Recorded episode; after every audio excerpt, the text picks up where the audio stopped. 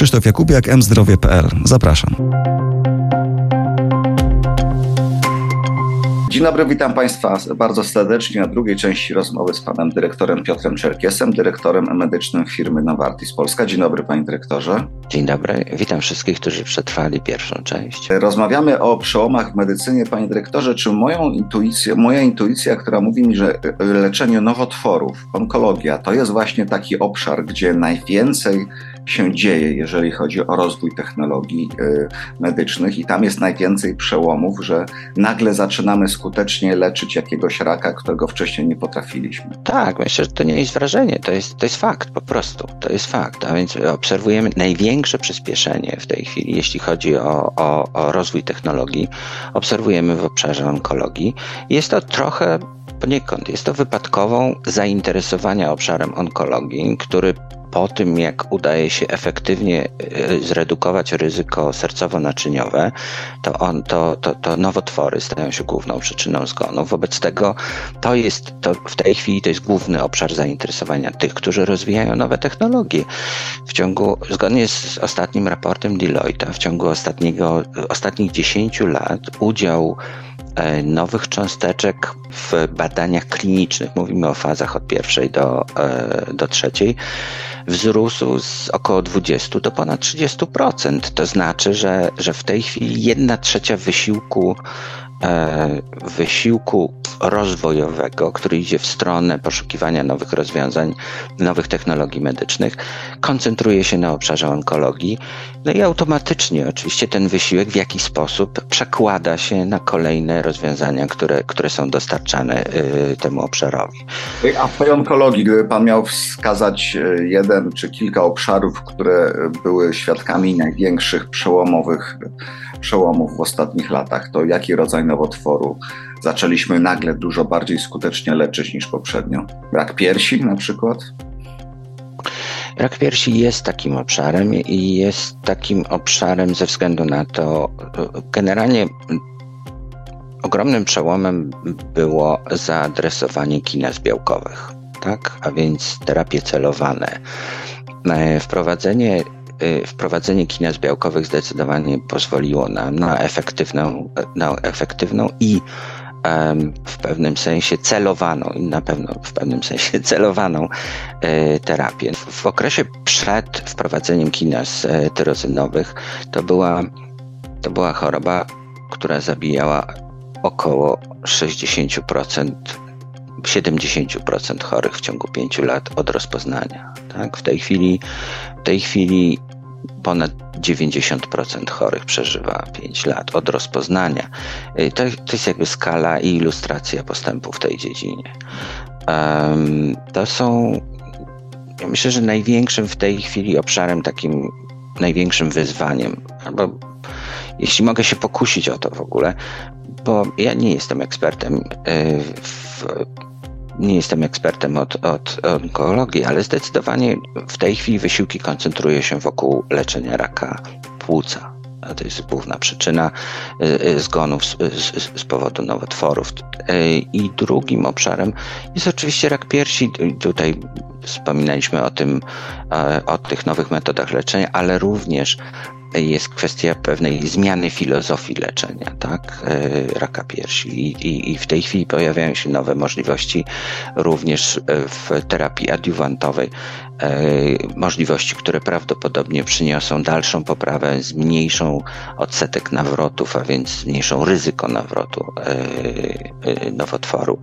To jest, to jest również rak prostaty, gdzie dzieje się bardzo dużo, prawda? I tutaj też wchodzą nowe technologie, technologie bardzo ciekawe, właściwie tą drogą wprowadzane w obszar e, onkologii, czyli, czyli radioligandy, które, które w ogóle to jest, to jest bardzo ciekawe rozwiązanie, które, które dostarcza możliwości um, adresowanej e, radioterapii na poziomie komórek nowotworowych. Mówiąc w skrócie, izotopy są dostarczane do tego miejsca, gdzie znajduje się nowotwór.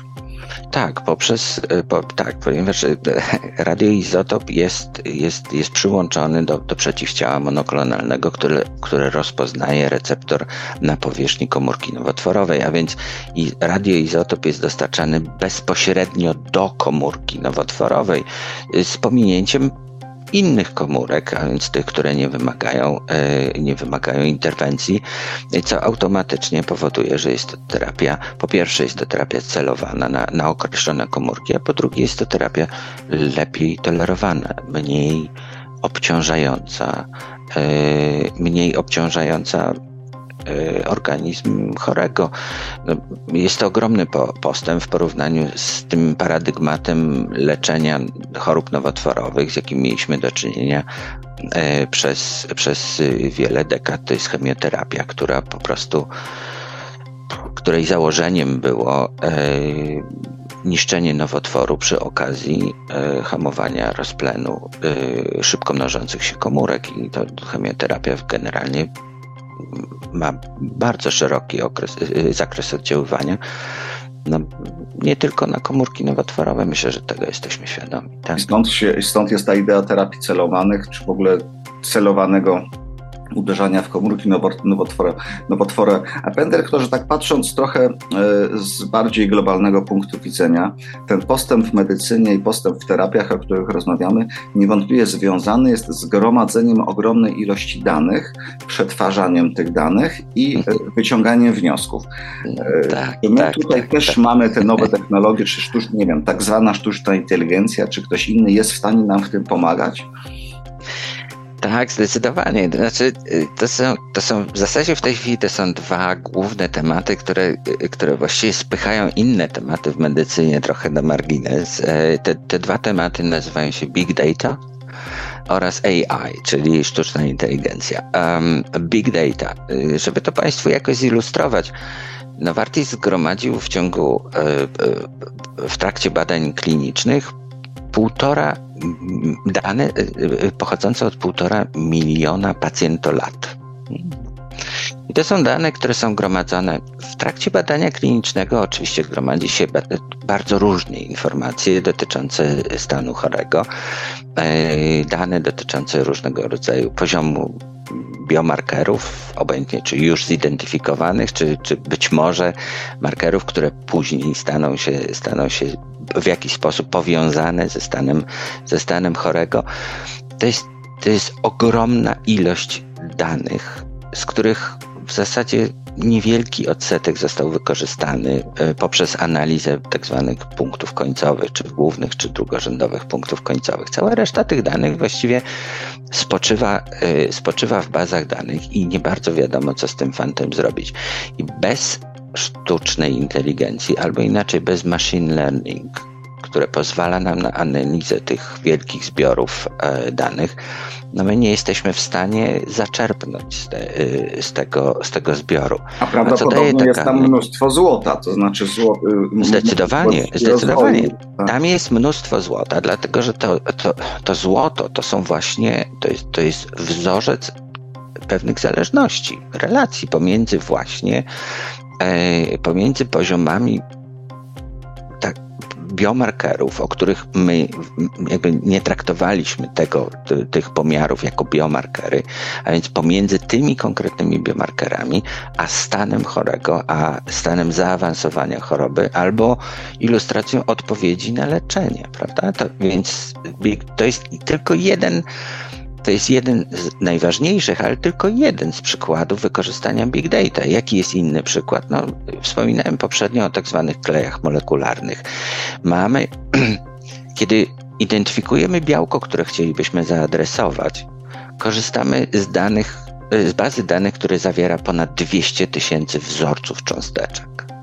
I zatem wykorzystujemy sztuczną inteligencję do tego, aby E, wprowadzając charakterystykę białka, które chcemy zaadresować, wyselekcjonować z tych 200 tysięcy e, molekuł e, wąską grupę molekuł, które poddajemy dalej badaniom i, i testom i testom przedklinicznym. W ten sposób skracając czas oczekiwania na, na rozwój nowych rozwiązań, bo musimy pamiętać o tym, że tak, e, liczba badań w onkologii zdecydowanie wzrosła. Z drugiej strony, w ciągu ostatnich e, pięciu lat o dwa lata, średnio o dwa lata wydłużył się okres trwania badań klinicznych w, w, z nowymi cząsteczkami w onkologii, sięgając w tej chwili już prawie 12 lat. W innych wskazaniach to jest około, średnio to jest około 6-7 lat. Co to oznacza? To, to, to, są, to są jakby dwa problemy, które musimy bardzo szybko rozwiązać. Po pierwsze, za długo czekamy na nowe technologie, a po drugie, jeśli tak długo trwa, roz, e, e, trwają badania nad nowymi technologiami, to de facto te nowe technologie, z którymi dzisiaj przybiegamy e, do, do, do środowiska medycznego, reprezentują sposób myślenia o leczeniu sprzed co najmniej dekady lub dwóch. Nie będę ryzykował stwierdzenia, że już są przestarzałe w momencie ich rejestracji, ale jednak oznacza to, że już dziś znacznie bardziej rozwinięte technologie są już testowane, prawda? Tak, tak. W zasadzie to jest tak, że w momencie, kiedy nowa technologia wchodzi, wchodzi do zastosowania klinicznego, to my, mam, my jesteśmy już na jakimś etapie zaawansowania z kolejną technologią, która ją zastąpi, która ją w jakiś sposób przewyższa. I nie wynika to tylko, przepraszam, bo nie, to, to jest istotne, nie wynika to tylko z, tak, z, z planowania jakby obecności e, producenta na rynku. To zupełnie nie z tego wynika. To wynika stąd, że, e, e, że cykl rozwojowy produktu niestety trwa, czasie trwania tego cyklu rozwojowego produktu następują nowe odkrycia, które zmieniają nasz sposób myślenia o tym, o tym leczeniu. Ale to ja już przestałem rozumieć, panie dyrektorze, bo z jednej strony mówimy, że postęp przyspiesza i że coraz szybciej się rozwija nasza wiedza, a z drugiej strony coraz wolniej opracowujemy nowe cząsteczki. Jaka jest przyczyna? Um, jedną z przyczyn jest wzrost wymagań dotyczących jakości, e, jakości i zakresu dokumentacji, która e, towarzyszy rejestracji nowych A, technologii po prostu biurokracja, okay. Nie, nie, nie nazwałbym tego biurokracją. No, pamiętajmy, że, że na końcu, na końcu, a w zasadzie na początku jest pacjent jest chory, tak? Więc e, nic dziwnego, że instytucje rejestrujące, dopuszczające do obrotu nowe technologie medyczne chcą uzyskiwać jak najlepszy materiał dowodowy, do, który zadecyduje o tym, że na podstawie tego materiału de, zapada decyzja, tak, tę terapię dopuszczamy do stosowania u chorych, nie tej terapii nie stosujemy, tak? Więc nic dziwnego, że rosną te wymagania, ale e, bo też chodzi o to, żeby uniknąć e, e, przygód z, z, z, rejestracją produktu, który potencjalnie może spowodować, może być niebezpieczny dla chorego. I to jest, to jest jak najbardziej to jest jak najbardziej właściwy sposób postępowania. Tyle tylko, że temu powinny, po, powinno też towarzyszyć przedefiniowanie punktów końcowych, a więc sposobu oceny e, efektywności terapii. E, w medycynie istnieje bardzo silne przywiązanie do tak zwanych twardych punktów końcowych, a więc przeżycie, przeżycie chorych. Oczywiście to jest najważniejszy punkt końcowy, tyle tylko, że aby zaobserwować tempo śmiertelności w grupie leczonej i w grupie kontrolnej potrzebujemy czasu. W niektórych chorobach przewlekłych takie badania muszą trwać latami. I teraz jest pytanie, czy my mamy ten luksus, czy pacjenci mają ten luksus oczekiwania na, to, na te wyniki badań. Więc między innymi tutaj właśnie big data może nam bardzo pomóc w znajdowaniu markerów odpowiedzi e, i albo markerów progresji choroby a więc sposobu na, na określenie punktu końcowego, który z dużym prawdopodobieństwem będzie opisywał wynik końcowy, jakim jest przeżycie chorego, twardy punkt końcowy, tak? Panie dyrektorze, to na koniec jeszcze jedno pytanie. No, e, już Pan właściwie zaczął o tym mówić, to znaczy o takich uwarunkowaniach organizacyjno-prawno-finansowo-systemowych, które towarzyszą opracowywaniu nowych nowych leków i które mogą przeszkadzać w tym procesie, a mogą pomagać. E, co możemy zrobić, żeby ten postęp w medycynie postęp, następował e, właśnie szybciej, bardziej efektywnie, ale przy zachowaniu bezpieczeństwa bezpieczeństwa pacjentów. Co jest nam potrzebne, żeby ten cały uniwers opracowywania nowych leków usprawnić? Prawdę mówiąc, wolałbym odpowiedzieć raczej o drugim, o drugim końcu tej podróży, tak? Bo to usprawnianie tego uniwersu jest faktem i to cały czas ono się odbywa. To znaczy, e, to znaczy bardzo dużo w tej chwili inwestuje się w, w metody przyspieszania, poszukiwania, skracania tej fazy przedklinicznej, modyfikację badań klinicznych, tak aby, aby móc skrócić ten okres, e, ten okres testowania. Za to tak naprawdę istotny jest ten moment. Wie pan, nawet najlepsze lekarstwo nie działa, jeśli chory nie ma do niego dostępu. I na tym chciałbym się skupić. To znaczy, to jest przełom w medycynie realizuje się wtedy, kiedy chory ma dostęp do tego, do, do tego leczenia, do tej nowej technologii. Tak, przełom lek nie nie działa. Nie, nie działa. I ten, ten, ten, ten przełom w medycynie e, wymaga zmianu stan, e, zmiany standardu postępowania. Tak? I teraz e, ja zacytuję, to jest, to jest tytuł książki pani dr Wereny Wolter. Potrzebujemy pięciorga do tanga w w ochronie zdrowia. To jest o systemie ochrony zdrowia opartym o wartości, tak? Tak jest, to jest o systemie, e, tak. I, i, teraz, co to jest, kto w takim razie w tym uczestniczy? To są, to są tak zwani policy makers, to są, czyli to są decydenci, którzy, którzy koncentrują się na identyfikacji obszarów e, terapeutycznych czy problemów zdrowotnych, które wymagają pilnego zaadresowania. To jest płatnik, który pod wpływem decyzji decydentów decyduje o sposobie alokowania zasobów, aby właśnie odnieść się do tych problemów medycznych, które pozostają do rozwiązania. To jest lekarz, który musi mieć wiedzę i dostęp do, do, do nowych technologii medycznych. Co więcej, który musi chcieć wyjść ze swojej strefy komfortu i zastosować tą nową technologię, no bo przy, przyzwyczajamy się, to, ta, ta siła przyzwyczajenia, ten, ta, ta rutyna bardzo mocno jednak decyduje o, o, o, sposobie e, prowadzenia chorych. I wreszcie to jest chory, który musi być świadomy tego, że że musi się stosować do zaleceń lekarskich, że musi, to, to jest kwestia tego compliance'u chorych, tak, że lek właśnie działa tylko wtedy, kiedy będzie przyjmowany zgodnie z zaleceniami lekarza. Co więcej, lek, chory musi współpracować nie tylko poprzez przyjmowanie leków, modyfikacja stylu życia, to jest y, dieta, to, to, to, to czyli edukacja chorych, tak? Również świadomość istnienia różnych rozwiązań, e, aby chory mógł współuczestniczyć w tym procesie decydowania, dobrze, to leczymy się w ten sposób albo w inny sposób. Ten jest związany z takim ryzykiem, a ten z takim ryzykiem. Chory w końcu to jakby decyzja o terapii najbardziej dotyczy samego chorego, a on ma najmniej do powiedzenia w tym całym systemie, prawda?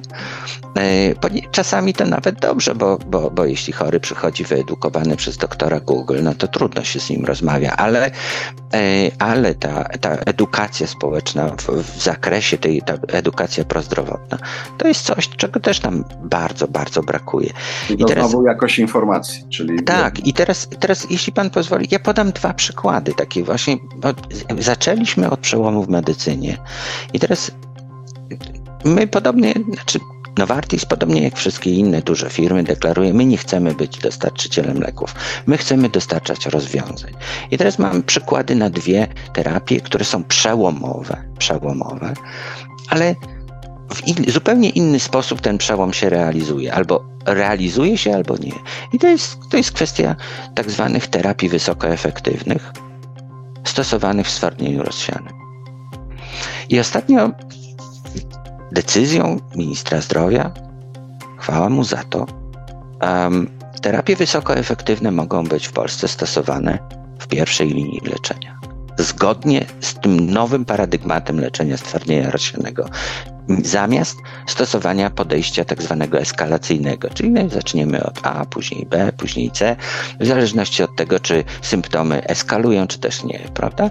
Tymczasem w stwardnieniu rozsianym i zasadniczym celem jest jak najszybsze zahamowanie postępów choroby, ponieważ ona prowadzi do zmian nieodwracalnych, których efektem jest upośledzenie funkcji motorycznych, poznawczych lub, e, e, lub e, sensorycznych. Tak? Wobec tego ten okres miareczkowania leczenia, czyli ten okres, ten okres eskalowania terapii aż do momentu uzyskania odpowiedzi, jest okresem bezpowrotnie straconym. Tak? Więc i to jest przełom, który się dokonał. Terapie HETA stały się dostępne dla chorych od początku leczenia. To jest przełom. To jest przełom, który widzimy w naszym kraju. Nasi, nasi chorzy mogą z niego skorzystać i fantastycznie, bo porozumiało się wszystkie 5P. A teraz mamy drugą historię. 60% Polaków ma problem z zaburzeniami lipidowymi. I pewna część chorych, szczególnie w obszarze tak zwanego y, w tak, tak zwanej prewencji wtórnej, a więc chorzy, którzy już przeszli przez jakiś incydent sercowo-naczyniowy, oni ze względu na redukcję tego ryzyka muszą otrzymywać terapie wysoko efektywne, które będą kontrolowały, kontrolowały poziom e, tego złego cholesterolu, tak, LDLC, poniżej naprawdę nisko określonych progów. No i są na to już leki. I są na to leki ale te leki są niedostępne. Teoretycznie są dostępne. Znaczy niedostępne, czyli nierefundowane. Czyli... No nie, są nierefundowane. Je, istnieje program lekowy, który tak naprawdę no, no dzisiaj skala tego programu to, to, jest około tysiąca chorych w, w, w Polsce. I kropla w morzu. A, a to jest, to tak, jakby populacyjnie to nie ma żadnego znaczenia. To ma znaczenie dla tych tysiącu, dla tego tysiąca chorych, tak, zdecydowanie. Ale populacyjnie nie ma to żadnego znaczenia. Więc ten program mógłby istnieć, a mógłby nie istnieć, ale nie przekłada się na to. Wobec tego przełom, jaki stanowiło wprowadzenie pewnej klasy, yy, pewnej klasy terapeutycznej, on się jeszcze nie realizuje. Czyli wróciliśmy do początku. Tak, czyli jeden są opracowanie leku to dopiero początek y, dokonywania prawdziwego przełomu w zdrowiu y, społecznym, a nie koniec. Tak, i życzyłbym sobie i myślę, że wszystkim nam, żeby, żeby te 5P, tych, tych pięciu uczestników tego tanga, y, zaczęło zgodnie ze sobą jakby ćwiczyć te, te, te kolejne kroki, tak? Żebyśmy, żebyśmy zaczęli ze sobą rozmawiać, widząc raczej potrzebę współpracy i, i te, ten wspólny cel, który powinien nas jednoczyć. Cały system ochrony zdrowia został stworzony po to, żeby pomagać choremu, prawda? To nie jest no. system generujący, generujący przychody. To jest system, który ma pomóc choremu, tak? Więc no, jeśli jeśli nas wszystkich będzie łączył ten jeden, to, to, to, ten sposób rozumienia, dlaczego to funkcjonuje, to być może coś nam się uda poprawić, bo tak naprawdę ten system jest zbyt skomplikowany, jest zbyt dużo tych uczestników tego systemu, aby pojedyncza grupa była w stanie coś zmienić. Policy makers nie zmienią nic bez zmiany postawy płatnika, bez zmiany postawy lekarzy.